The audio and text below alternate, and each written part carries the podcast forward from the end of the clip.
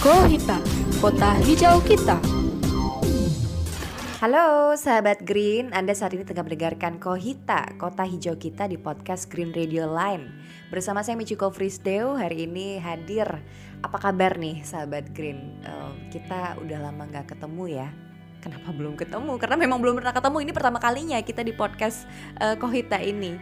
Dan uh, seperti janji kita, tiap uh, episodenya kita pengen menghadirkan narasumber-narasumber yang inspiratif dan juga passionate di bidang uh, yang dia geluti, khususnya gaya hidup ramah lingkungan. Dan hari ini saya akan berbincang dengan seorang istri, ibu rumah tangga yang sedang mengurusi dua anaknya yang masih kecil-kecil dan saya juga sudah lama sebenarnya mengenal beliau kita terlibat dalam beberapa project langsung saja. Assalamualaikum untuk Mbak Ovi. Waalaikumsalam iya. warahmatullahi wabarakatuh. Kenapa kayaknya aku gugup banget gitu mau nyapa ya? Kita terakhir ketemu kapan ya Mbak Ovi? Bulan apa? Februari ya sekitar kayaknya. Kayak Februari ya terakhir ya Februari 2020 Antara, ya, antara Februari ya sebelum PSBB kan? Iya oke okay, oke. Okay. Jadi sahabat Green hmm, Mungkin saya perlu menjelaskan sedikit awal mula perkenalan saya dengan Mbak Ovi saat itu sekitar tahun 2019 saya mendapatkan informasi ada ibu pegiat hidup minim sampah di Pekanbaru yang pengikut Instagramnya ini cukup banyak. Kalau terakhir saya lihat itu ada 37.200 sekitar itu di Instagram dan saya wow ternyata di Pekanbaru ada orang yang uh, membuat konten-konten simple living, uh, zero waste di Instagramnya dan menarik saat saya DM Mbak Ovi juga begitu ramah. Bahkan saya saking penasaran ya langsung ke rumah ya Mbak Ovi ya. Yeah. melihat yang mana sih yang zero waste ala Mbak Ovi gitu. Saya langsung lihat lubang resapan bioporinya uh, komposnya terus pemilahan sampahnya seperti apa. Dan makanya kita juga sempat uh, terlibat dalam beberapa proyek terakhir di Pekanbaru Minim Sampah hmm. ya Mbak Ovi ya Mbak Ovi juga salah satu pendiri di komunitas Pekanbaru Minim Sampah tapi masih terhenti karena yeah COVID-19 yeah. ini situasi masih situasi ini ya. Mm. Oke. Okay. Jadi kita udah kenal dan juga mungkin berinteraksi sekitar satu tahunan yeah, lebih ya Mbak Ovi. Yeah. Karena waktu itu habis lebaran juga kan 2019 iya, ya. Iya, oke, okay, oke. Okay. Dan kita ngobrol-ngobrol Mbak Ovi tidak ingin menyebut dirinya sebagai seorang eh, mungkin kita sebut apa ya influencer, kreator konten. Tapi bagi saya Mbak Ovi itu adalah kreator konten soal simple living yang banyak menginspirasi di Instagram juga influencer. Kenapa influencer? Karena pemikiran-pemikiran yang Mbak Ovi bagikan di media sosial, apa yang Mbak Ovi kerjakan itu juga mempengaruhi uh, sedikit banyak mempengaruhi saya saya yang membaca bahkan mungkin orang-orang lain gitu loh. Tapi kenapa sih Mbak Ovi nggak menyebut diri itu sebagai uh, atau tidak ingin disebut sebagai influencer, kreator konten? Karena itu berat ya bebannya okay. gitu. Kalau balik lagi ya saya menyebut diri saya itu sebagai manusia. Mm. Posisi saya itu ya manusia. Mm, mm, mm. Di mana pun berada, saya akan tetap menjadi manusia. Oke. Okay. Lalu peranan itu akan tumbuh berkembang seiring kehidupan saya. Misalnya, mm, mm, mm. waktu saya kecil, saya orang man seorang manusia, mm, mm. anak dari orang tua saya. Oke. Okay, Oke. Okay. Lalu saat saya menikah, saya mm. menjadi seorang istri, seorang ibu, gitu. Mm. Dan itu yang melekat pada diri saya dan sebagai seorang muslim yang akan melekat pada kita adalah seorang hamba Allah gitu. Oke. Okay. Nah, kalau di muslim itu saat kita mengajak seseorang dan hmm. kita tidak mengamalkannya itu kan hmm. akan sangat berat. Oke, okay, iya benar nah, banget terus nanti ada pertanggungjawaban masalah uh, niat. Niat. Apakah yang kita lakukan itu benar-benar ikhlas hanya mengharap ridho Allah gitu? Mm -hmm. Atau hanya atau kita itu ada bumbu-bumbu ingin dipuji manusia, yeah, ingin okay. diakui, diakui yang okay. bukan uh, udah melebihi dari yang sewajarnya mm. gitu ya. Mm -hmm. Jadi itu sih berat mm. gitu kalau untuk menyebut diri sebagai influencer gitu. Mm. Jadi saya tidak ingin membebani diri saya untuk menyebut diri saya sebagai influencer okay, gitu. Okay. Terus kayak menjaga niat itu kan sangat berat gitu. Mm. Karena kalau di Islam itu akan dilihat suatu yeah. perbuatan itu awalannya niatnya mm -hmm. udah lurus belum nih? Mm -hmm. Mungkin ada yang niatnya udah lurus. Tapi tiba-tiba di, di prosesnya okay. dia tergoda gitu. Mm. Eh, ternyata kalau aku kayak gini tuh aku bisa dapat ini ya. Mm. Ternyata aku bisa berbelok. Terus nanti setelah proses mungkin orang berbelok orang bisa Oke. sadar lagi kok belok lagi terus akhirnya gitu jadi ada Hmm. awal ada proses ada akhir Mm-mm. dan menjaga itu supaya lurus itu adalah suatu perjuangan gitu Mm-mm. jadi apalagi kalau kita membaca gitu Mm-mm. para ulama Mm. yang bahkan karyanya itu berabad-abad setelahnya Oke. masih dikenang mereka itu sangat sangat takut terhadap Oke. kepopuleran Oke. gitu jadi oke. kayak hah jadi kadang kalau ngeliat kayak gitu gitu kisah Mm. para ulama mereka tuh udah segitu loh karyanya Mm-mm. berabad-abad tuh masih dikaji orang tapi mereka tidak menginginkan Mm. diri mereka dikenal mereka hanya ini karya untuk Allah gitu kan Mm, mm, mm. Ya udah cukup nggak Oke. usah lihat diri mereka yang menyampaikan gitu Itulah kemudian pemikiran-pemikiran em, Mbak Ovi yang merasa ya sebagai eh, manusia aja gitu ya makhluk bumi. Iya. Makanya kita pengen bahas hari ini Mbak Ovi menjadi penghuni bumi yang berkesadaran. Karena kadang tuh tanpa kita sadari kita selama ini tuh kurang sadar nih ya sama pola konsumsi kita, sama apa yang kita lakukan terhadap bumi.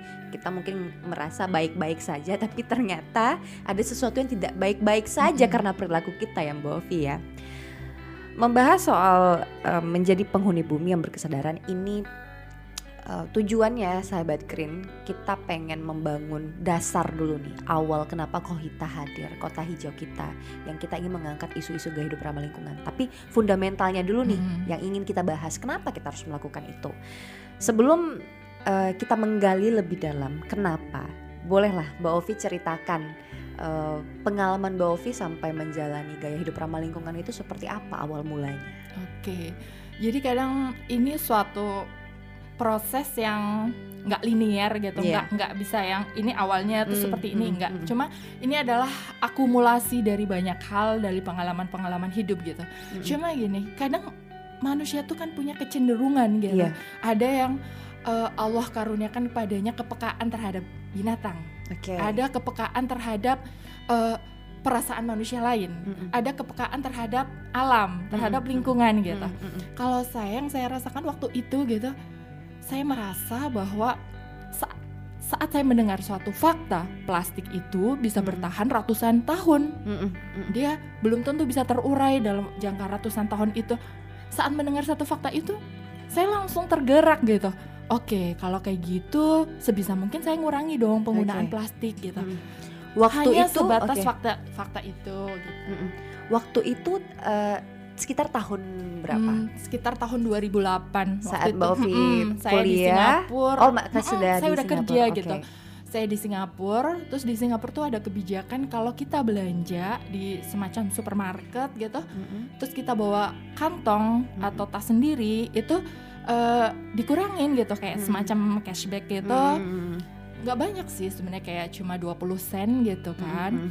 cuman kita nggak melihat dari nominal gitu Oke. cuma kita lihat dari oke bahwa tindakan kecil ini itu ada suatu efek kebaikan yang Hmm. diharapkan gitu Oke. jadi dari situ itu akhirnya menjadi kebiasaan gitu karena Mm-mm. begitu saya udah melakukan satu hal Mm-mm. dan itu baik kita kan akan berusaha untuk konsisten gitu kalau dalam Islam disebut istiqomah gitu Mm.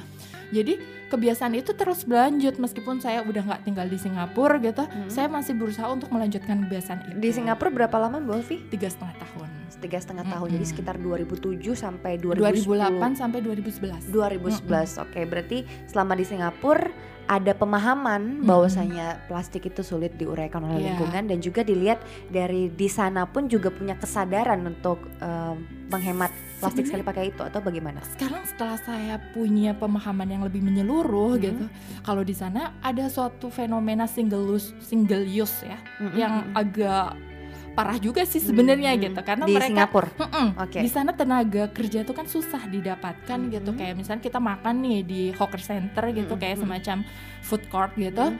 Kadang kalau susah dapat tenaga untuk cuci piring, ya udah pakai aja plastik Oh, begitu. piring plastik Oke. sekali pakai gitu. Mm. Cuma di sisi lain ada upaya juga gitu. Mhm.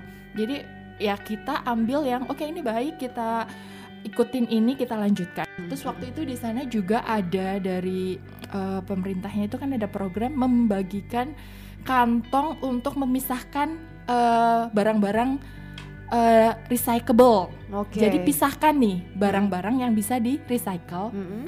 dari plastik, kertas atau kaleng, Mm-mm. kondisi bersih gitu. Nanti tanggal tertentu, jadi kantongnya itu udah langsung dikasih Oke. tanggal sama Oke. mereka.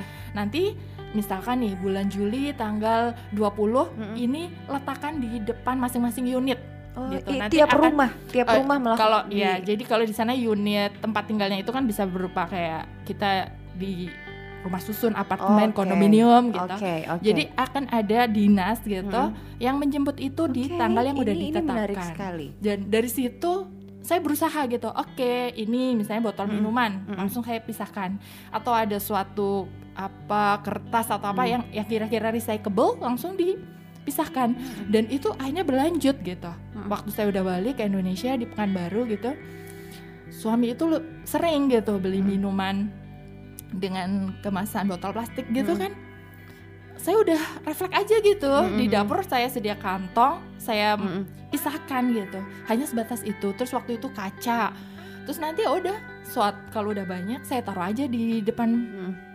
uh, pagar gitu kan nanti diambil oleh pemulung gitu Nah, di Pekanbaru itu waktu itu sekitar tahun berapa Mbak Ovi? 2011 2000. Mm-mm. 2011 teng akhir akhir Oke, 2011 berarti sudah kayak refleks melakukan Ah, ah. itu karena di di Singapura saat itu sudah terbiasa. Ah, ah, Oke. gitu. cuma ya Terus- sebatas itu aja sih gitu nggak Di- tahu bank sampah nggak tahu apa gitu Diambil sama pemulung gak waktu itu? diambil Oke. cuma kalau botol kaca nggak Oke. botol kaca oke. nggak jadi kadang saya kenapa ya kaca kok malah nggak diambil padahal kan bagus Hmm, gitu kan gitu mm, mm, mm. karena kita nggak tahu kan eh, ternyata masalah ternyata pertimbangan harga atau mereka nggak dapat tempat menyalurkan si Hmm. pemulung gitu jadi nggak nggak keambil kalau kaca gitu 2011 sampai dengan 2020 pasti ada pemahaman, kebiasaan Hmm. yang berkembang. Itu eh, bagaimana prosesnya Mbak Ovi? Jadi waktu itu saya masih mempertahankan ya bawa kantong bawa tas oh ya waktu itu saya nikah kan 2011 Mm-mm.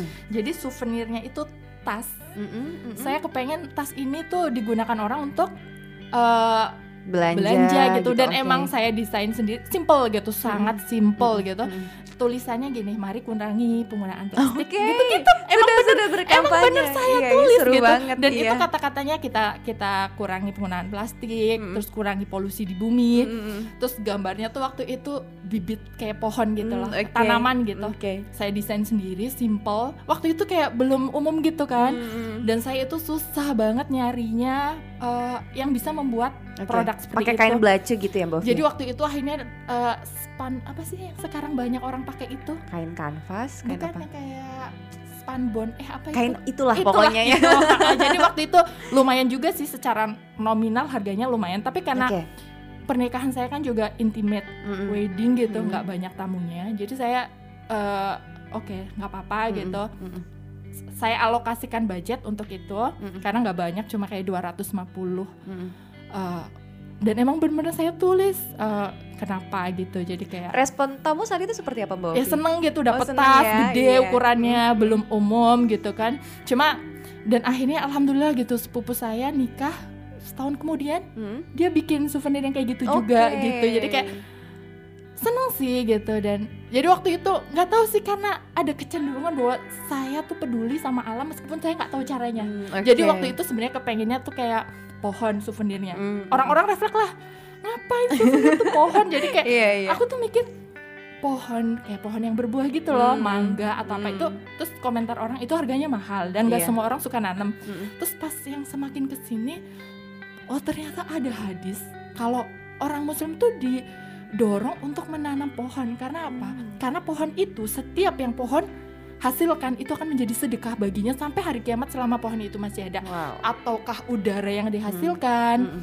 ataukah dari biji-bijian Hmm. yang dimakan oleh hewan, Hmm. oleh burung, Mm-mm. atau bahkan saat ada yang mencuri dari hasil si tanaman ini, Hmm. itu akan menjadi sedekah baginya Wah. meskipun orang yang nanam tuh nggak meniatkan sedekah. Misalkan dimakan hama gitu, Mm, itu kan binatang mm, mm, gitu. Oke. Jadi kayak itulah eh, saya merasa bahwa Allah tuh memberikan kecenderungan-kecenderungan kebaikan loh pada manusia. Mm-mm. Cuma manusia itu mau mengembangkan apa yang terbersit dalam Mm-mm. eh, nalurinya, dalam nuraninya atau enggak gitu. Iya. Meskipun kita belum tahu ilmunya kadang Hmm. gitu. Aku sih. aku jadi ingat dulu aku juga pas nikahan souvenirnya benih benih tanaman. dan dan semoga kalau tanaman itu masih bertahan sampai sekarang itu berarti jadi nilai pahala ya Mbak ya. Gitu. Amin. Oke. Amin. Eh, berarti di nikahan itu udah sampai sampai punya pemikiran untuk Mm-mm. mengkampanyekan lewat souvenir pernikahan. Mm-mm. Mbak Ovi tuh latar belakang studinya apa sih Mbak Ovi? Arsitektur. Arsitektur, Mm-mm. oke. Cuma kalau Lebih kayak- kepada ngitung-ngitung atau gambar-gambar ya. Maksudnya tidak ada eh, cuma kalau belajar kayak spesifik di soal lingkungan. alma mater kami Mm-mm. Universitas Indonesia tuh sangat filosofis gitu Oke. konseptual Mm. jadi kita tuh lebih kayak mm, mikir konsep Hmm. program bukan sekedar fisik gitu Oke. Mm, dan itu akan terpengaruh gitu mungkin eh, Michi ngikutin ya Mm-mm. kayak eh, aku tuh ada kecenderungan kayak kepengennya tuh segala sesuatu tuh sistemnya jelas Mm-mm. teratur Mm-mm. gitu kan Iya iya itu iya. adalah Jadi kalau Mbak Ovi tuh kalau rumahnya tuh udah punya apa ya color boardnya gitu ya yang Jadi kayak ngikutin segala itu salah satunya. daily daily life aku gitu kayak gimana aku menjalani hari-hari aku tuh kepengen ada suatu order order tuh kayak eh, keteraturan Oh, Oke. sistem gitu Hmm. dalam tanda kutip sistem kayak bagaimana aku menjalankan di dapur aku bagaimana Hmm. aku menjalankan eh, kegiatan di rumah aku Hmm. itu aku aku suka kalau ada sesuatu keteraturan keteraturan tuh bukan berarti harus rapih ya Mm. tapi kita tuh paham eh, urutannya seperti apa Oke, gitu-gitu oke, loh. iya, iya, iya. kan Mbak Ovi ya, Mbak Ovi ya, gitu gitu ya. aku gak freak ya. Aku gak OCD kadang orang tuh ini OCD ya gitu kan. Tapi emang seneng aja gitu seneng ya. gitu. Tapi jangan salah gitu. Eh, cuma kalau kayak di arsitektur tuh kita esensinya apa? Hmm, gitu. hmm. bukan sekedar apa yang nampak apa yang terlihat tapi esensi dari itu semua apa. Jadi kalau aku suka keteraturan tapi bisa melihat rumahku tiba-tiba dalam suatu keadaan yang berantakan abis gitu Hmm. jadi bukan berarti karena teratur tuh harus rapi terus Oke, enggak gitu Oke. aku kadang takutnya orang tuh eh, mempunyai ekspektasi yang begitu tinggi gitu loh Hmm, ngerti kan padahal iya, iya, aku iya. tuh manusia biasa gitu Betul. gitu. Eh, aku juga tahu kalau Mbak Ovi kan sempat ikutan kelas belajar zero waste ya Mm-mm, sekitar mm-mm. tahun 2018 2018. Tengah. Oke. Em, itu gimana ceritanya Mbak Ah. Ovi sampai kayaknya itu Ah, salah ah. satu apa ya stimulus yang Mm-mm. membuat semakin lagi belajar eh, gaya hidup minum sampah. jadi emang itu kayak eh, waktu itu peran sosial media ya gitu dengan izin Allah eh, akhirnya saya bisa terkoneksi bahwa oh ada loh eh, suatu grup yang kita akan belajar secara sistematis tentang eh, menjalani hidup yang minim sampah. Nah, Oke. jadi waktu itu saya ikut gitu kan. Dari situlah akhirnya kita punya pemahaman yang utuh menyeluruh gitu bahwa Mm-mm. yang tadinya saya cuma tahu eh, bahwa oh ternyata plastik terurainya ratusan tahun. Mm-mm. Nah, di belajar zero waste ini ini eh, eh, pematerinya itu Ibu Deka Wardani. Iya. Ha-ha, Wah, bukunya Mm-mm. kita punya. Iya, Ibu Deka Wardani emang punya kurikulum. Oke. Kita mengikuti kelas selama tiga bulan. Mm-mm. Itu ada suatu kurikulumnya. Jadi emang sistematis dan itu mulainya adalah dari strong why-nya. Kenapa gitu? Kenapa, harus kita butuh melakukan ini? melakukan ini gitu. Jadi kayak waktu itu sebelum saya ikut itu sebenarnya saya hanya sekedar ikut kuluapnya, kuluap Hmm, beliau gitu hmm. karena eh ada loh eh, Kuliah ada WhatsApp-nya ya, Ovi, kuliah ah. WhatsApp-nya gitu. Ikut itu kan sesinya sekitar satu setengah jam ya. Mm. Jadi materi yang tiga bulan itu pun itu sebenarnya udah dituangkan di satu setengah jam itu Hmm. gitu. Jadi di situlah uh, pilah, cegah, pilah, olah gitu kan. Mm. Kalau cegah tuh seperti apa? Oh menghindari yang Hmm. uh, single use, single Hmm. packaging gitu. Terus waktu itu pilah kita pisahkan berdasarkan jenisnya supaya bisa ditangani untuk yang sesuai lalu Hmm. olah jadi waktu itu materi olah itu kan termasuk ada si eh, mengolah sisa organik gitu Hmm. sampah-sampah dapur gitu kan komposter gitu itu langsung saya praktekkan aja gitu dengan keterbatasan ilmu oke saya udah dengar ini berarti kita sebagai muslim itu kan tandanya ilmu yang bermanfaat it- itu emang diamalkan gitu Oke. bukan sekedar wawasan Mm. akhirnya saya bikin komposter waktu itu jarak antara kuluap sampai ikut kelas belajar zero waste yang tiga bulan itu mungkin sekitar satu dua bulan gitu. Satu, dua jadi bulan. saya udah mempraktekkan sebelum saya ikut kelas. Nah pas di kelas itu nanti kan akan pembahasannya lebih detail gitu. Mm. jadi Mm. kayak pembahasan kenapanya aja. Jadi Bu Dini itu memulainya dengan ke mana perginya sampah kita. Waktu itu kan saya sangat tergerak karena lihat foto TPA Oke. TPA ini TPA tinggi sampahnya tuh berkali-kali lipat dari tinggi Mm-mm. manusia loh Mm. gitu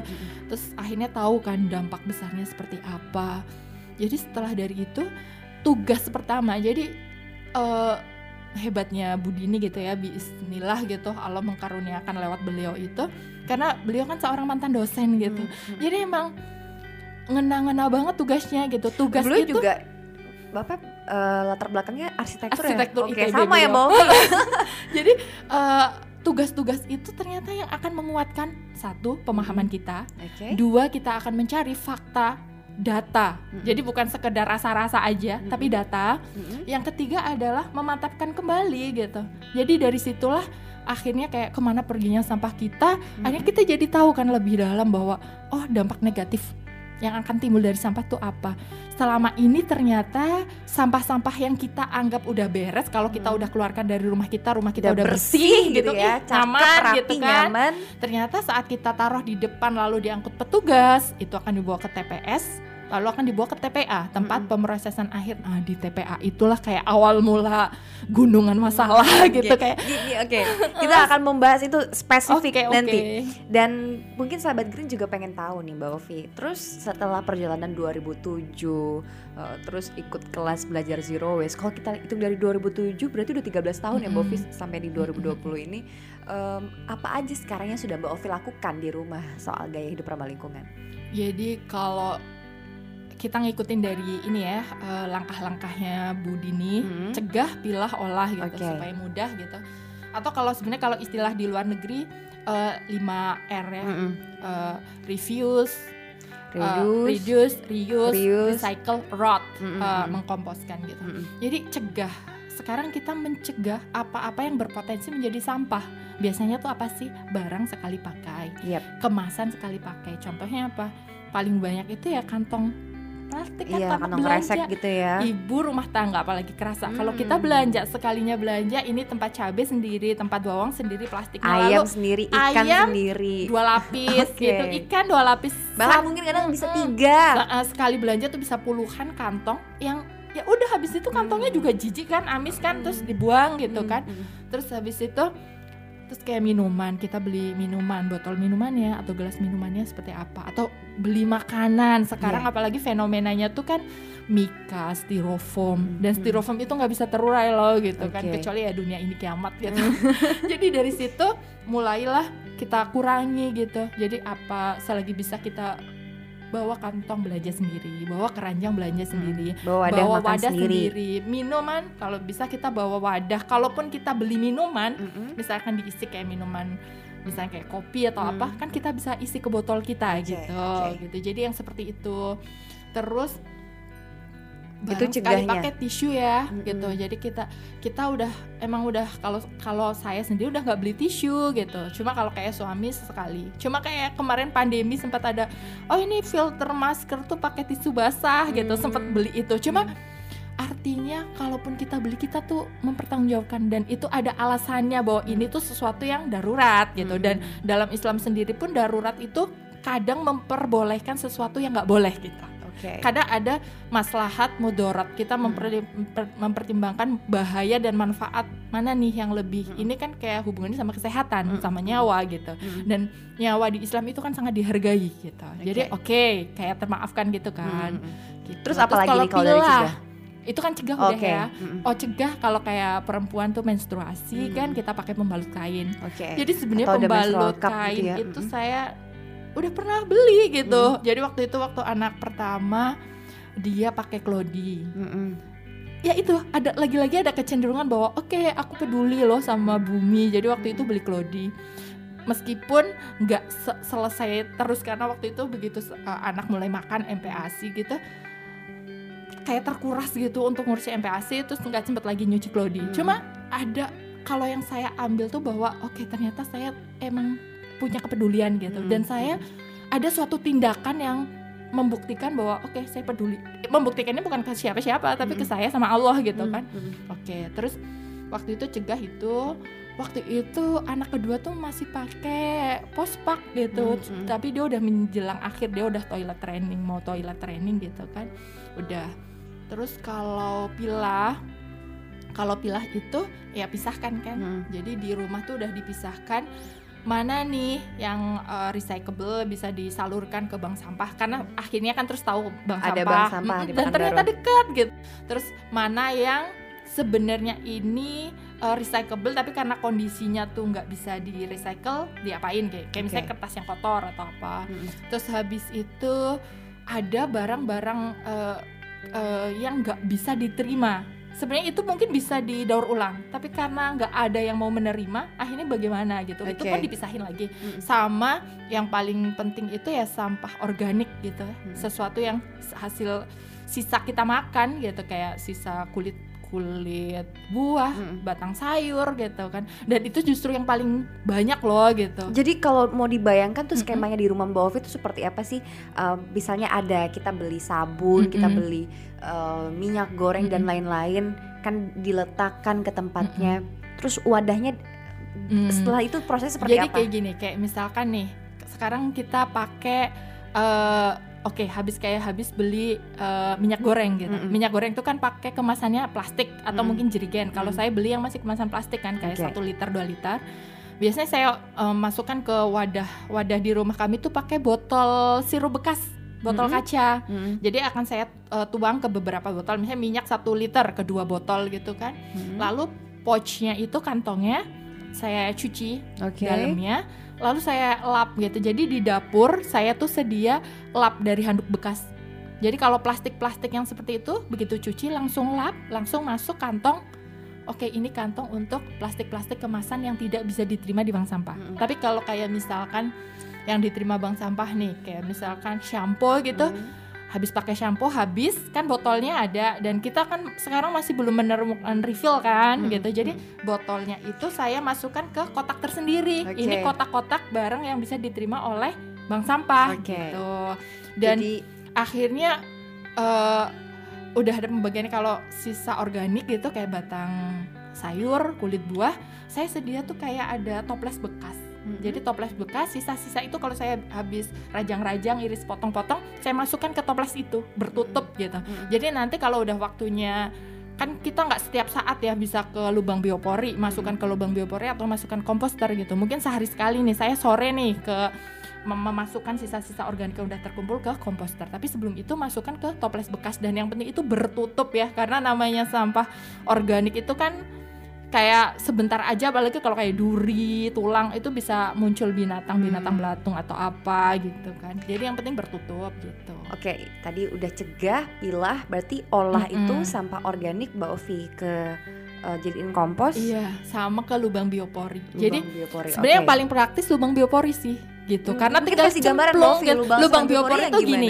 eh, kita bikin lubang di kayak eh, tanah dan tanahnya tuh nggak perlu luas gitu ya karena itu kan diameternya cuma 10 cm ada alatnya Mm-mm. bisa dicari lah bor biopori gitu nanti kita eh, lubangin itu dia akan kayak semacam lubangnya tuh ke bawah sekitar 80 sampai 100 cm Mm-mm. di situlah nanti kita akan memasukkan uh, Sisa sisa-sisa organik organik, itu, itu, dan oke. itu nanti uh, akan terurai gitu jadi tanah kembali gitu bahkan kalau kita nggak butuh isinya nggak butuh komposnya atau apa ya udah dibiarin aja dia nanti akan nyusut kempes gitu itulah kuasa Allah gitu ya sesuatu yang dari alam itu akan kembali ke alam dan nggak jadi sampah nggak Mm-mm. jadi bahaya justru ada manfaatnya karena Oke. apa misalkan tanah menjadi lebih subur Lebih subur. terus Bahkan dia juga bisa, mencegah menyerap banjir. menyerap daya serap air Mm-mm. itu akan meningkat Mm-mm. jadi di situlah kayak ini sih sebenarnya eh, gaya minum gaya hidup minim sampah tuh pilihan atau bukan sih sebenarnya itu ya tanggung jawab kita mungkin saya nggak bisa ngomong ini wajib ini harus Mm-mm. karena nanti kalau dalam Islam itu hukum itu kan hubungannya sama fikih gitu harus Oke. ada dalil kita Mm. nggak bisa s- asal bicara tanpa ilmu dan Mm. dalil gitu Oke. Cuma gini, tanggung jawab gitu. Jadi tanggung jawab kita karena ya balik lagi kalau kita habis makan ini lalu kita nggak tangani lalu itu kita buang ke TPA nanti di TPA jadi mudorot gitu berarti kita tenang nggak sih mengetahui bahwa apa barang dari yang kita gunakan itu ternyata me- menimbulkan mudorot untuk orang lain nah Oke. itu dia Oke. jadi ada rasa itu gitu dan pelihara itu pelihara rasa itu gitu jadi balik lagi ya sama peranan kita sebagai muslim gitu Mm-mm. jadi ternyata emang sebenarnya ajaran Islam itu kan sangat indah gitu. Bahkan kata Islam sendiri itu kan dari kata selamat, keselamatan. Seorang uh, ada hadisnya kan seorang muslim itu apa sih? Seorang muslim yang orang lain itu akan selamat dari lisan dia, dari tangan dia, dari perbuatan dia. Jadi kalau orang di dekat orang muslim itu harusnya selamat karena orang muslim akan menjaga hak orang lain okay. sebagaimana dia menjaga hak dirinya gitu. Jadi cuma ya itu mungkin permasalahannya adalah karena banyak orang tidak mengetahui dampak negatif sampah. Itu dia. Ilmu ya kalau dalam mengetahui itu kan ilmu mengetahui ilmu gitu jadi kita nggak punya ilmunya tentang dampak negatif sampah tuh nggak tahu kita tuh tahu sampah sebatas kita keluarkan dari rumah kita habis itu kita nggak tahu fakta kelanjutannya dan di sinilah uh, pentingnya kita mengetahui gitu. Jadi Menjadi kalau makhluk bumi yang berkesadaran mm gitu ya. Jadi kalau kita tahu bahwa sampah kita tuh akan melakukan perjalanan mm -hmm. sampai akhirnya dia nyampe TPA, di TPA itu akan numpuk satu tahun, dua tahun, seratus tahun misalkan itu kalau numpuk nggak terurai ternyata bisa apa sih efeknya ternyata pencemaran air, pencemaran tanah atau saat uh, sampah organik dan organik bercampur itu nanti namanya organik itu kan dia akan membusuk itu kan ada fermentasinya, ada gas-gas yang dikeluarkan. Saat dia tercampur di antara plastik, dia terperangkap. Oke. Okay. Saat gas metan itu atau gas metana itu terperangkap, dia bisa meledak. Mm -mm. bayangin gitu. Jadi kalau kayak di Bandung itu dulu di TPA Lewi Gajah itu okay. kan hujan, mm -mm. hujan, akhirnya ada ledakan, longsor, akhirnya TPA yang uh, lokasi TPA itu longsor, akhirnya dia menimbun dua kampung. Bayangin dong, dan itu yang meninggal ratusan gitu. Rumah-rumah tertimbun dua kampung jadi kayak hah itu cuma sampah gitu hmm. tapi ternyata kok efeknya sampai 140-an nyawa, nyawa iya. melayang Bahkan dua itu... kampung tertimbun rum berapa puluhan rumah hmm. tertimbun gitu jadi kayak ini bukan dampak yang sepele loh sekali. gitu. Bahkan dan, juga ini dijadikan sebagai peringatan Hari Peduli Sampah Nasional hmm, setiap 21 Februari ya, itu ya Mbak Ovi gitu, ya. Itu itu mungkin yang kayak masif banget lah ya hmm. yang gede banget dampaknya. Tapi kalau yang dampak sampah numpuk tumpukan sampah tuh udah kayak puluhan meter pemulung datang ke TPA mereka mencari apa yang masih bisa dijual gitu bernilai ekonomis terus tertimbun meninggal. Nyawa gitu loh. Jadi kayak aduh ini sampah yang kelihatannya sepele yang kita keluarkan dalam berapa hari satu kantong dari hmm. dari rumah kita tapi saat itu numpuk bayangin dong satu orang satu keluarga. Nanti kalau satu kota berapa nih? Berapa ribu berapa ratus ribu orang? Itu numpuk di suatu tempat nyawa orang bisa meninggal. Emang sih meninggal tuh udah takdir gitu udah ketetapan Allah gitu. Cuma tenang nggak sih kita membayangkan bahwa ada nyawa yang hilang dan ada kontribusi sampah rumah kita di situ. Itu. Jadi kayak mm, uh, dan jangan lihat ini sebagai angka gitu. Jangan lihat uh, jangan lihat ini yang meninggal 100, ini yang meninggal 10, ini yang meninggal cuma satu. Jangan lihat itu. Tapi bayangkan kalau kalau yang meninggal itu keluarga kita. Yeah. Kalau yang meninggal itu kepala keluarga kita, tulang punggung keluarga kita. Nah, efeknya tuh kayak nggak sepele gitu loh. Betul, dan betul kalau kita susah untuk uh, ber yang betul tuh empati apa simpati sih? Empati tuh lebih dalam uh -uh. gitu ya. Kadang aku tuh bingung waktu SMA tuh dengan oke okay lah ya itu hmm. kalau kita susah untuk berempati dengan kejadian itu coba tempatkan diri kita. Tempatkan hmm. kalau kita posisinya nah udah sebagai korban gitu. Rela gak sih gitu? Maksudnya kayak sedih nggak sih? gitu. Kalau kita atau keluarga kita meninggal tertimbun sampah gitu. Kayak mm itu miris banget gitu. Betul, dan betul. kita nggak pengen kan kayak gitu gitu. Mm jadi kayak kalau kita masih jadi kalau kayak melakukan suatu tindakan kita pilih sih kita lebih memberatkan diri kita atau orang lain. Kadang beda juga kan misalnya kayak oke okay, aku nggak peduli kalaupun aku ketimbun sampah tuh aku eh, nggak uh, apa-apa kok. Misalkan seperti itu sekarang pikirkan kamu tenang nggak saat ada orang lain yang seperti itu nah di situlah kita nular uh, nurani kita gitu hmm, okay. digerakkan gitu atau kalau nggak sebaliknya kalau kita masih dalam tanda kutip agak-agak egois ya udahlah itu siapa sih nah, bukan apa-apa aku gitu nah sekarang kalau kamu sendiri kalau keluarga kamu sendiri nah gitu okay. jadi kita sekarang gimana caranya menggerakkan uh, hati kita uh, hati kita untuk melakukan sesuatu untuk peduli gitu. Setelah tadi mendengar bagaimana fakta-fakta sisa konsumsi atau sampah kita tidak sesederhana rumah kita bersih kemudian di luar sana juga tidak akan apa-apa mm -hmm. gitu loh. Mungkin muncul pertanyaan beberapa sahabat Green. Wah, Mbak Ovi, kayaknya ribet banget deh kalau mau belanja mesti bawa wadah dulu kalau mau makan uh, mesti bawa uh, alat makan sendiri terus juga di rumah Mbak Ovi bilang pilah-pilah sampah apa nggak keramaian tuh rumah karena sampah bukannya harusnya segera dibuang. Terus juga bikin kompos apa gimana itu? Nabung ke bank sampah. Riwah gitu. Iya. itu itu gimana mbak Ovi melihatnya? Uh, sesuatu itu kan butuh awal gitu. Mm -mm. merubah kebiasaan itu emang nggak mudah. Apalagi sesuatu yang udah kita lakukan bertahun-tahun berpuluh tahun. Kayak saya itu kan berarti tahun 2018 itu kan udah 33 tahun mm -mm. kita merubah kebiasaan yang udah puluhan tahun tapi bukan berarti nggak bisa kan nah okay. gitu terus okay. balik lagi strong why-nya kenapanya pijakannya gitu, gitu. kalau sekarang kita sebagai seorang muslim apa yang kita harapkan dengan melakukan itu okay. yang kita harapkan adalah satu kita ingin menjadi muslim sejati benar-benar seorang muslim yang orang lain itu selamat dari mudarat-mudarat yang mungkin ditimbulkan oleh kita. Mm-hmm. Yang kedua, uh, Allah itu kan uh, kita akan selalu menakar ridho Allah gitu. Jadi kalau kita kita ingin mencintai Allah dan membuktikan cinta kita kepada Allah, lakukan apa yang Allah ridhoi, Allah cintai. Jadi sekarang kita coba bertanya, kira-kira Allah lebih cinta, Allah lebih suka kalau melihat bumi ini terjaga, bersih, terjaga uh, untuk lingkungannya baik hmm. atau membiarkan bumi ini dalam keadaan semakin rusak.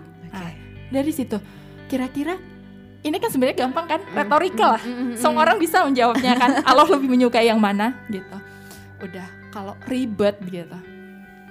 Segala sesuatu itu kan Allah itu kan akan menghisap nanti di akhirat kita akan kita akan dihisap gitu hmm. tentang beberapa hal tentang umur kita digunakan okay. untuk apa gitu tentang harta kita dari mana dapatnya untuk apa gitu kan cara dapatnya digunakan untuk apa atau ilmu yang kita peroleh gitu nah sekarang gini hidup kita umur kita waktu kita kita itu ada seorang ulama terdahulu gitu generasi salafus soleh bilang kita itu kan susunan hari-hari Maksud kita kita hidup ini kan kumpulan hari-hari. Kita mm. kita umur kita berapa? Satu tahun, 10 tahun, 30 tahun, 70 tahun gitu kan. Mm. Itu kan hari ini terlalui, hari depan, hari depan. Jadi kita itu tersusun atas hari-hari. Lalu tanyakan bagaimana kita menjalani hari kita. Menjalani hari kita dari kegiatan-kegiatan kalau yang kayak kebutuhan fisik kita kan makan, tidur gitu misalkan makan, tidur, terus Nah, di, di proses makan itu apa? Ternyata di proses makan itu ada kan sampah yang kita hasilkan. Kita nggak mungkin dong makan kangkung itu uh, sampai akar-akarnya gitu. Mm -hmm. Kita makan durian sampai kulit-kulitnya gitu kan nggak mm. mungkin. Ternyata ada nih setiap kita makan ada yang kita ada yang bersisa. Bersisanya tuh bukan karena kita mubazir, tapi emang itu nggak bisa dimakan kan? Oke. Okay. Gitu. Jadi kita makan setiap hari sisa-sisa dari makanya kalau Budini itu kan nggak mau menyebut sampah. Kalau sampah itu sesuatu yang nggak berguna membahayakan gitu. Nggak bisa diapa-apain lagi. Tapi kalau sisa konsumsi kita makan ada sisanya. Nah, inilah sisa organiknya. Kita makan buah ada sisa kulitnya. Ini sisa organiknya.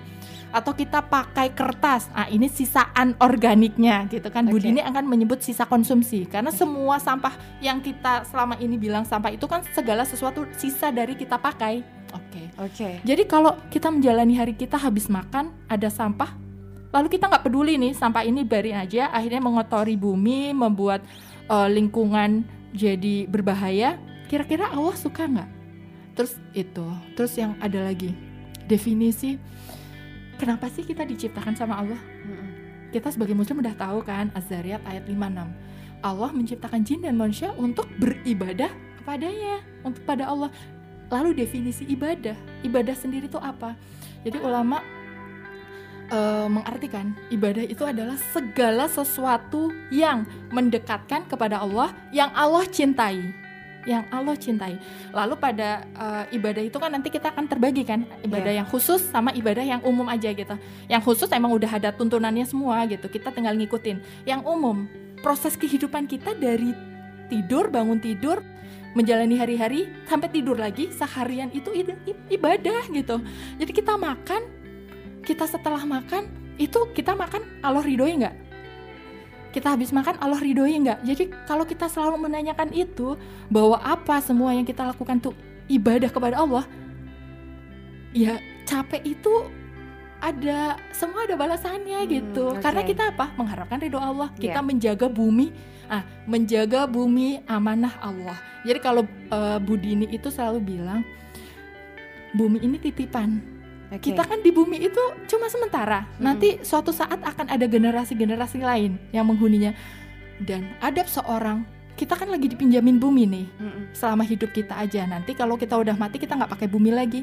Adab seorang peminjam yang baik adalah menjaga yang dipinjam. Okay. Masa kita tinggal di bumi kita lahir buminya dalam keadaan baik nanti kita meninggal kita meninggalkan bumi dalam keadaan iya. nggak bagus betul, lingkungannya betul, gitu betul, betul, itu sekali. jadi kayak pemikirannya tuh ngerti kan mm -mm. banyak mm -mm. banget gitu nggak cuma sekedar diri kita rumah kita tapi lebih luas daripada itu semua dan itu saling berkaitan gitu dan dan itu tentunya perjalanan kan Mbak Ovi mm -mm. mungkin nggak nggak bisa langsung memaksa mm -mm. oke okay, okay. uh, eh, sudah hemat plastik sekali mm -hmm. pakai langsung bisa menabung ke bank sampah bikin biopori kayak dipaksa mm -hmm. satu waktu. Di dalam satu waktu kayaknya enggak ya Mbak Ovi pelan-pelan semuanya tuh punya perjalanan. Apalagi Mbak Ovi dari 2007 sampai dengan uh, sekarang ada sekitar 13 tahun. Nah kemudian Mbak Ovi Mbak Ovi melihat tidak uh, zero waste lifestyle gaya hidup minim sampah ini bersinggungan sama eating clean mm -hmm.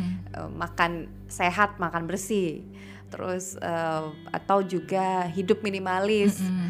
uh, apalagi ya mindful living mm -hmm. hidup yang berkesadaran bahwa itu melihat singgungan-singgungan itu mm -hmm. tidak jadi bahwa pada akhirnya kita sedang menuju suatu kebaikan kan mm -hmm. kita ingin semua hidup kita tuh baik baiknya itu nggak cuma untuk diri kita tapi untuk orang sekitar kita lebih luasnya untuk bumi gitu kan mm -hmm.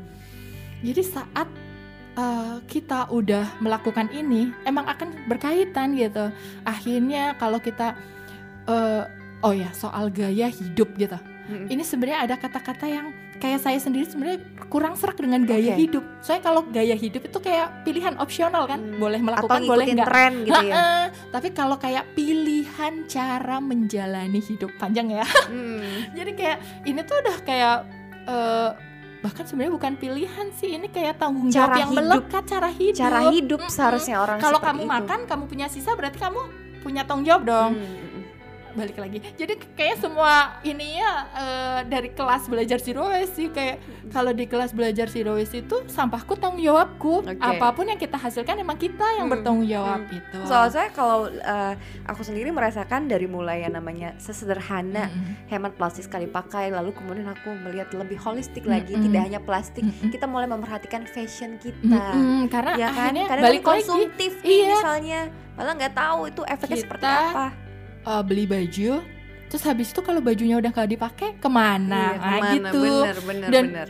itu nanti kita akan balik lagi uh, kita akan menyeluruh gitu. Ternyata baju itu di, dibuat dengan sumber daya alam mm -mm. yang nggak sedikit. Mm -mm. pada prosesnya menggunakan energi yang nggak sedikit. Banyak limbahnya. Limbahnya itu kembali ke bumi. Lalu di situ setelahnya jadi kadang kita tuh udah terlalu mengab dalam tanda kutip ya kita mengambil terlalu banyak meskipun kita mampu. Cuma kalau kita sebagai orang yang peduli bukan sekedar mampu nggak mampu. Misalkan kayak baju nih hmm. mampu kok aku sebulan budget satu juta? Nggak masalah bukan duit duit kamu. Hmm. dan ini halal caranya misalkan gitu kan. Uh, uh, ini dari penghasilan yang halal ya nggak masalah dong. Satu juta okay. menurut aku nggak masalah tapi saat kita udah berpikir lebih dari itu, bukan masalah mampu nggak mampu, tapi dampak ke lingkungan seperti apa? Atau misalnya sesederhana listrik. Hmm. Listrik mampu kok aku bayar 10 juta sebulan buat rumah aku misalkan wow, gitu 10 kan. juta kan, jadi ingat kan? Nagita Slavina dan Raffi Ahmad Aduh, jadi kayak okay. bukan masalah 10 juta mampu nggak mampu tapi okay. ternyata listrik itu di Indonesia kebanyakan dari mana nih batu bara di batu bara sendiri di pertambangannya seperti apa keadaannya oh ternyata masyarakat sekitar terzolimi ah kata-kata terzolimi orang lain terzolimi kayak sampah tadi kan orang lain terzolimi hmm. nih saat hmm. meninggal karena tumpukan sampah hmm. jadi ternyata di uh, tambang batu bara terzolimi nih mereka dampak kesehatan paru-paru kanker gitu Hmm. jadi bukan sekedar kita mampu nggak mampu tapi kita harus peduli Hmm. dengan efek menyeluruh gitu Betul. Jadi memang zero waste ini mengajarkan uh, banyak Mm-mm. aspek-aspek lain Mm-mm. yang lebih holistik lagi. Iya. Nah, ini kan uh, sesuatu yang mungkin kita bisa bilang belum familiar sama Mm-mm. kebanyakan masyarakat, Mm-mm. belum jadi pengetahuan uh, umum yang semua orang tuh tahu gitu Mm-mm. loh. Uh, apalagi tentu dengan kondisi ini menjadi tantangan bagaimana membangun komunikasi ke pasangan. Ovi kan sudah menikah, Uh, terus juga bagaimana mengedukasi anak-anak. Kalau kalau mau diceritain lagi pengalaman aku nih itu cukup butuh usaha juga mengedukasi. jangankan mengedukasi masyarakat ya mengedukasi keluarga juga butuh usaha ya mbak Ovi. Mbak Ovi tuh gimana? Mungkin boleh bagi pengalamannya juga. ah, ah, ini eh, jadi lagi-lagi ya, akan berkaitan banyak hal sih gitu. Jadi kalau kayak dalam Islam, dalam Islam itu kan ada ilmu, amal, eh, mengajak dan bersabar. Itu Oke. empat tahapan, empat tahapan ilmu. Jadi satu pertama kita mengilmui nih. Kita Oke. udah tahu pengetahuan, info, fakta. Lalu kalau kita mengetahui berarti selanjutnya ilmu, selanjutnya amal. Diamalkan. Jangan cuma sekedar jadi wacana gitu. Tapi apa nih bukti nyata setelah kita tahu itu gitu. Yang selanjutnya adalah mengajak. Kalau dalam agama misalkan ajaran Islam dakwah gitu kan. Mm-mm. Kalau mengajak orang lain untuk melakukan kebaikan ini atau amar ma'ruf mengajak Oke. kebaikan, mencegah keburukan nahi mungkar, amar ma'ruf nahi mungkar. Yang selanjutnya bersabar. Sabar karena untuk kita mengajak seseorang itu kita butuh kesabaran Butuh kan. kesabaran. Nah, lalu bagaimana saya menakar diri saya? Saya itu orang yang nggak pandai ngajak-ngajak. oh gitu ya mbak Ovi ya sebenarnya seperti itu saya nggak pandai ngajak terus eh, saya nggak pandai ngajarin orang dalam artian dan emang kita nggak ngajarin sih kalau kayak gini kan karena orang lain tuh butuh kesadarannya sendiri Mm-mm. yang kita lakukan akhirnya kita melakukan kita menjadi contoh karena ajakan yang terbaik itu lewat keteladanan kan Mm-mm. pendidikan yang terbaik itu lewat keteladanan. Kalau kayak anak-anak, ya mereka melihat dan mereka akan melakukan gitu. Jadi kayak ibaratnya eh, kita mau ngajak kayak apa, kalau kita nggak melakukan, ya akan susah gitu. Mm-mm. Atau sebaliknya, bahkan saat kita nggak ngomong pun, kalau kita melakukan, anak akan melihat kita gitu. Cuma seideal itu nggak sih gitu kan? oke balik lagi kayak suami saya tuh sebenarnya ada kecenderungan juga peduli sama lingkungan karena dia Hmm. dulu sempat kayak ikut jadi anggota Greenpeace gitu lah Hmm, meskipun hmm, nggak sampai jadi aktivis Mm-mm. dia tuh ada kecenderungan terhadap seperti itu tapi kita balik lagi di situasi kondisi yang saat ini gitu oke sekarang dia kesibukan utamanya mencari nafkah dalam hal ini saya full ibu rumah tangga nggak ada penghasilan gitu meskipun namanya Rizky itu berarti Rizky keluarga kan Mm-mm. tapi lewatnya lewat dia semua. Jadi saya cukup menakar diri bahwa dia mungkin ribet lah kalau dia harus saya nggak bisa menuntut dia untuk menjalani seperti yang saya jalani. Oke. Tapi kalau tapi yang penting yang penting disyukuri adalah dia mendukung. Dia tidak menghalangi saya menjalankan ini. Jadi kalau misalkan oke beli makanan gitu. Oh ini mau beli makanan apa? Dia pulang dari kantor gitu, beli ini. Tapi belum ada wadahnya, pulang aja dulu ya. Misalnya Oh, saya bilang oke. gitu, oke gitu kan mau belinya juga nggak jauh-jauh banget gitu. Pulang aja dulu, saya siapin wadahnya. Dia mau gitu. Jadi beliau mau lah beli, udah saya siapin wadah-wadahnya gitu. Terus oke, eh, beliau tuh kalau minum tuh emang nggak bisa langsung kayak kayak minum minuman jus atau apa. Dia Hmm. pakainya pipet. Oke, saya beliin pipet stainless gitu. Hmm. Kalau saya sendiri nggak pakai pipet nggak masalah langsung Iya. dari gelas gitu. Terus saya sediakan tas. Kalau lagi beli-beli pakai ini ya, saya sediain gitu. Beliau alhamdulillah mendukung meskipun sering lupa. Tapi tapi adalah yang patut disyukuri beliau tidak menentang gitu Mm. gitu meskipun masih pasif gitu kan belum aktif tapi alhamdulillah gitu jadi kayak ya saya menakar kalau di rumah paling saya ini ya kalau habis misalkan makan makanan apa sih makanan ringan Mhm. ada kemasan yang ini nanti taruh sini ya ini nanti gini-gini ya ini nanti gini gitu Maksudnya langsung dibersihkan, Ah, ah, langsung dipilah atau gitu. akhirnya gini kadang mereka nggak bisa langsung bersihin kayak suami sama anak-anak nih habis minum minuman ada ininya kayak ada kemasan kotaknya Mm, gitu mm, mm. mereka enggak gitu tapi akhirnya saya kadang rasa wih capek deh tapi balik lagi ini tanggung jawab saya Hmm, loh sebagai hmm. seorang istri dan ibu yang urusan domestik itu mayoritas saya yang bertanggung jawab Oke. gitu. Tapi sambil saya eh, kalau habis ini masing-masing tolong ya bersihin. Nah, gitu. Gitu ya. Nah, eh, terus kayak Lebih lemah lembut eh, eh, lagi terus mengajaknya. Kayak gini ya. Jadi sekarang kayak anak pertama umur 8 tahun, anak kedua empat setengah. Anak yang 8 tahun ini tahu kan kalau habis makan es krim, nah kan suka Hmm, banget kan es hmm. krim. Habis makan es krim itu kan ada bungkusnya, bungkusnya dicuci, lalu nih lapnya di sini pakai anduk ini ya. Nanti Oke. taruh di sini. Nanti dia makan es krim lagi lupa kan? Mm-mm. Ingat bersihin yuk, dibersihin dulu ya. Kan yang makan mbak nih gitu kan, Mm, kayak mm. gitu. Jadi Oke. bertahap. Adiknya belum bisa empat setengah. Paling saya lihat, adek lihat mbak ya cara bersihinnya. Nanti Mm-mm. adek pelan-pelan belajar. Nah gitu. Oke. Jadi kita harus sabar karena itu berproses Mm. gitu. Jadi ini, ini se- sebenarnya kalau mau ngobrolin dari zero Panjang. zero waste jadi ada ke parentingnya, Ah. ke orang tuanya ini Mm, sangat mm, holistik karena sekali iya, iya, apa banget, cara banget. hidup ini ya. tapi Mbak kadang gini loh, anak-anak tuh kadang memberikan kejutan. Oke, yang- contoh. Jadi nanti kalau misalkan kayak saya kan sempet pakai pembersih alami gitu, Mm-mm, lerak gitu. mm-mm. suatu saat eh, saya balik lagi kita juga kadang mengukur kemampuan kita kan tiba-tiba saya udah nggak bisa menghandle itu karena saya ada sesuatu yang karena saya ngurusin plastik plastik ini eh, yang lerak itu di Pekanbaru belum tersedia kadang Hmm. terkendala akhirnya saya balik lagi nih atau kalau pakai nyuci pakai lerak anak saya nggak bisa nih belum bisa padahal saya lagi mengajarkan dia latihan nyuci alat makannya sendiri Mm. Nah, akhirnya saya balik ke pencuci pabrikan gitu kan Mm. Terus suatu saat dia ada komiknya lagi-lagi Ibu Deka Wardani ya. Jadi Mm-mm. ada komik Ibu Deka Wardani ini kan juga penulis buku anak-anak yang kebanyakan mengangkat tema lingkungan. Oke. Lalu dia ada cerita yang dia sukai.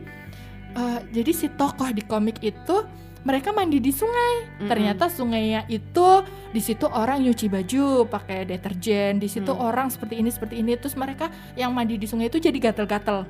Itu ngena ke mereka. Jadi Hmm. saat di rumah lihat misalnya deterjen gitu, kok pakai deterjen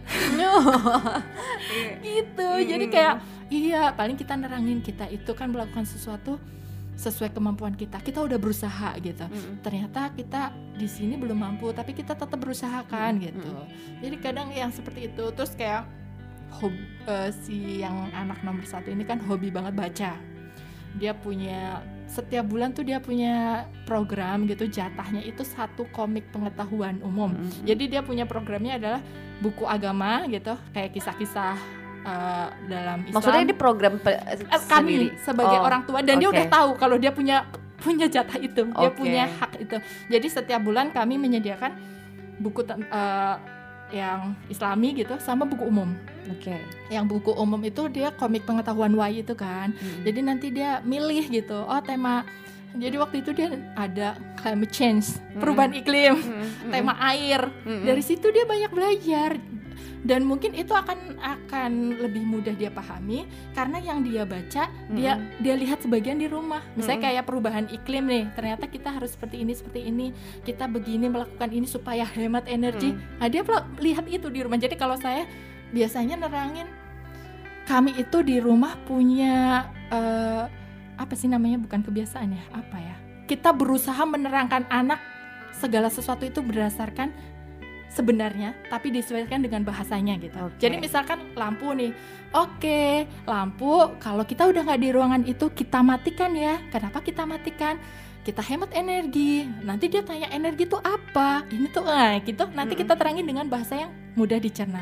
Jadi nanti dan itu anak itu kan kayak spons gitu, Mm-mm. nyerapnya tuh Nyerapnya luar biasa. saat kita memberitahu kepada dia, dia akan menerima itu dan jika itu suatu kebaikan dia akan mempertahankan itu sebagai standar dia. Oke. Nah, jadi kita emang nggak bisa main-main gitu sama anak-anak dan kita harus konsisten meskipun kita capek, meskipun kita apa kadang kita harus konsisten karena lagi ada anak yang melihat kita. Oke. Gitu. Ini seru banget loh ngobrol sama Mbak Ovi itu membuat saya terkesima.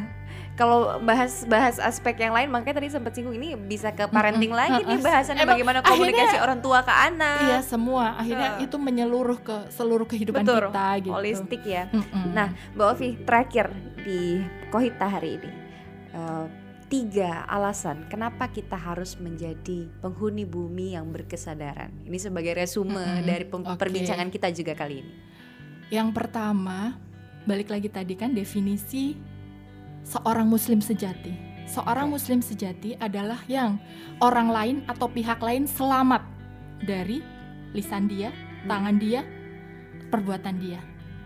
Jadi kita itu adalah orang yang menjaga keselamatan. Yang Oke. pertama itu. Yang kedua, semakin baik keimanan seseorang akan sejalan dengan baiknya akhlak, adab. Itu dia. Oke. Jadi kalau ilmu eh, kita selama ini kan oh belajar iman, tauhid, bagaimana kita mentauhidkan Allah, keimanan kita, akidah kita.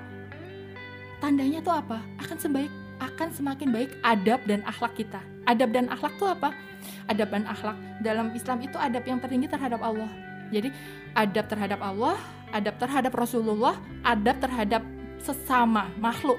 Makhluk itu apa? Ada makhluk hidup, ada makhluk nggak hidup. Segala yang Allah ciptakan itu namanya makhluk. Oke. Berarti makhluk itu apa? Manusia, keluarga kita, orang-orang di sekitar kita. Bumi itu makhluk. Hewan itu makhluk, air, tanaman, tumbuhan, semua itu makhluk. Berarti kita harus menjaga adab terhadap semuanya. Adab terhadap Allah, terhadap Rasulullah, terhadap sesama makhluk. Jadi di situ kita menjaga bumi itu bagian dari adab, Hmm, adab terhadap alam gitu kan. Jadi kan udah dicontohin gitu bagaimana Islam menjaga adab terhadap eh, alam gitu. Kayak misalkan kita kan ada hadisnya kalau kita lagi mau kurban saat kita menyembelih jangan kita me- eh, saat kita mau ber- eh, berkurban itu jangan kita mengasah pisau di depan hewan kurbannya. Hmm, karena kita hmm. udah membunuhnya sebelum menyembelihnya betulan. Hal yang seperti itu aja detail sekali dalam Mm-mm, Islam. kita mm-mm. nggak boleh menebang pohon sembarangan. Mm-mm. kita nggak boleh menyumbat saluran Oke. air itu Islam tuh sangat perhatian terhadap alam. Nah berarti sekarang kalau kita ingin jadi orang yang semakin baik keimanannya berarti akhlak adab kita harusnya semakin baik gitu. Jadi kadang kan selama ini kadang nggak bisa dipungkiri gitu kadang ada sebagian yang kayak loh yang penting kan kita menjaga hubungan kita sama Allah. Ibadah kita baik gitu. Kita melakukan ibadah-ibadah yang wajib yang sunnah yang hubungannya sama ritual gitu kan. Yang kayak sholat puasa Al-Quran gitu. Dan jaga alam tuh kayak dalam tanda kutip ngapain tuh? Nggak penting gitu kan. Hmm. misalkan padahal kalau kita mau mempelajari adab akhlak secara menyeluruh halo ini juga sangat dianjurkan loh dalam Oke. Islam gitu Jadi satu satu sebagai Eh, muslim sejati yang kedua, kedua adalah bentuk wujud adab akhlak kita oke. yang Yang ke- ketiga nih, yang ketiga ketiga. juga ya yang Menjadi ketiga pertanggungjawaban sih karena kita. Mm-mm, Mm-mm. pertanggungjawaban lagi-lagi hubungannya emang karena sebagai hamba Allah kan kita Hmm, pertanggungjawaban kita hisap kita nanti. Siap nggak kita mempertanggungjawabkan atas semua pilihan hidup kita atas semua yang kita kerjakan selama hidup kita Oke. kita sedang menyiapkan jawaban gitu. Baik, jadi sahabat Green, semoga perbincangan hari ini bisa menjadi eh, apa ya pemahaman ataupun pengetahuan membangun dasar gaya hidup ramah lingkungan itu eh, apa strong way-nya ya Mbak. Ovi ya atau apa alasan yang mendasarnya. Semoga setelah ini sahabat Green yang sudah melakukan cegah pilah olah sampahnya semakin lebih konsisten dan yang belum memulai bisa Mm-mm. mengetahui lebih lanjut Iya. apa sih maksudnya cegah Terus pilah olah. jangan terbebani Hmm. lakukan apa yang bisa dulu karena itu kan kayak kami di keluarga Hmm. kami itu kan perjalanan yang intens ini dua tahun Oke. Kita pilih dulu nih dari cegah pilah olah mana yang bisa kita lakukan dulu Nah, kayak kalau kayak saya dulu itu oke cegah dulu nih Cegah dulu. cegah dulu sambil pilah nanti cegah pilah jalan oke kita mulai ngolah gitu Ngolah, jadi oke. jangan langsung kita Semuanya satu. langsung Heeh, yang namanya gitu. memulai kebiasaan baru ya tantangannya Mm-mm. pasti soal konsistensi. Iya, Lebih baik jangan membebani dan- dulu. sedikit demi sedikit bertahap segala sesuatu yang dimulainya eh, terlalu drastis nanti bisa ber kalau dia nggak konsisten juga langsung drastis tapi Oke. kalau pelan pelan sambil kokoh mengokohkan insya Allah itu lebih long lasting gitu Hmm, kan Oke. terus kalau nggak balik lagi sih kayak ngajak orang jangan eh, ah ini balik lagi sama kayak Hmm. dalam ilmu dalam Islam gitu hidayah taufik dan hidayah hidayah itu adalah eh, kita mengetahui suatu kebenaran itu Hmm. hidayah kalau Allah menunjukkan ini yang baik ini yang enggak ini yang betul ini yang enggak itu namanya hidayah Oke. tapi kekuatan untuk melaksanakan mengamalkan itu namanya taufik Mm-mm. jadi saat kita menyampaikan sesuatu, jangan menuntut orang lain untuk langsung menerima dan mengamalkan. Oke. Karena kita sebatas penyampai, Penyampai saja. tapi nanti dia memperoleh taufik, Mm-mm. itu kan Allah yang menggerakkan hatinya. Paling ya kita berdoa semoga dia tergerak tergerak hatinya. dan ini ada pertanyaan untuk diri kita sendiri tentang menjaga niat atau sebagai macamnya kalau kita sakit hati saat kita ngajak orang orang itu nggak ngikutin kok kita sakit hati? Itu perlu tanya niatnya. Hmm. kita niat kita itu menunjukkan kebenaran mengajak kepada kebenaran atau ego ingin diikuti. Nah Hmm, itu dia. Iya, kayak iya, tampol iya. gitu sih. Oke, cegah pilah olah. Itu eh, bisa jadi eh, slogan yang bisa kita ingat untuk lebih bertanggung jawab sama sisa konsumsi kita. Sekarang kita nyebutnya sisa konsumsi ya, Iya. Mbak Ovi ya. Kalau sampah berarti yang tidak bisa lagi Uh-uh. diapa-apain gitu. Iya. Oke. Terima kasih loh Mbak Ovi Iya, sudah sama-sama, berbagi hari ini di podcast Green. Radio Land. Semoga menjadi inspirasi dan juga eh, amal ibadah nih untuk kita. Dan untuk yang ingin lebih tahu nih pemikiran-pemikiran Mbak Ovi, apa sih yang dilakukan Mbak Ovi soal gaya hidup uh, atau cara hidup minim sampahnya bisa lihat di Instagram ya Mbak Ovi ya Iya. Di @flysopia. Ah, agak F- susah ya F L Y S O P H I A. iya Iya, dan nantikan terus uh, tema-tema menarik lainnya di Kohita, Kota Hijau kita hanya di podcast Green Radio Line. Saya Michiko Frisdew pamit, Mbak Ovi pamit. ya Sampai jumpa. Assalamualaikum warahmatullahi warahmatullahi wabarakatuh. Kohita, kota hijau kita.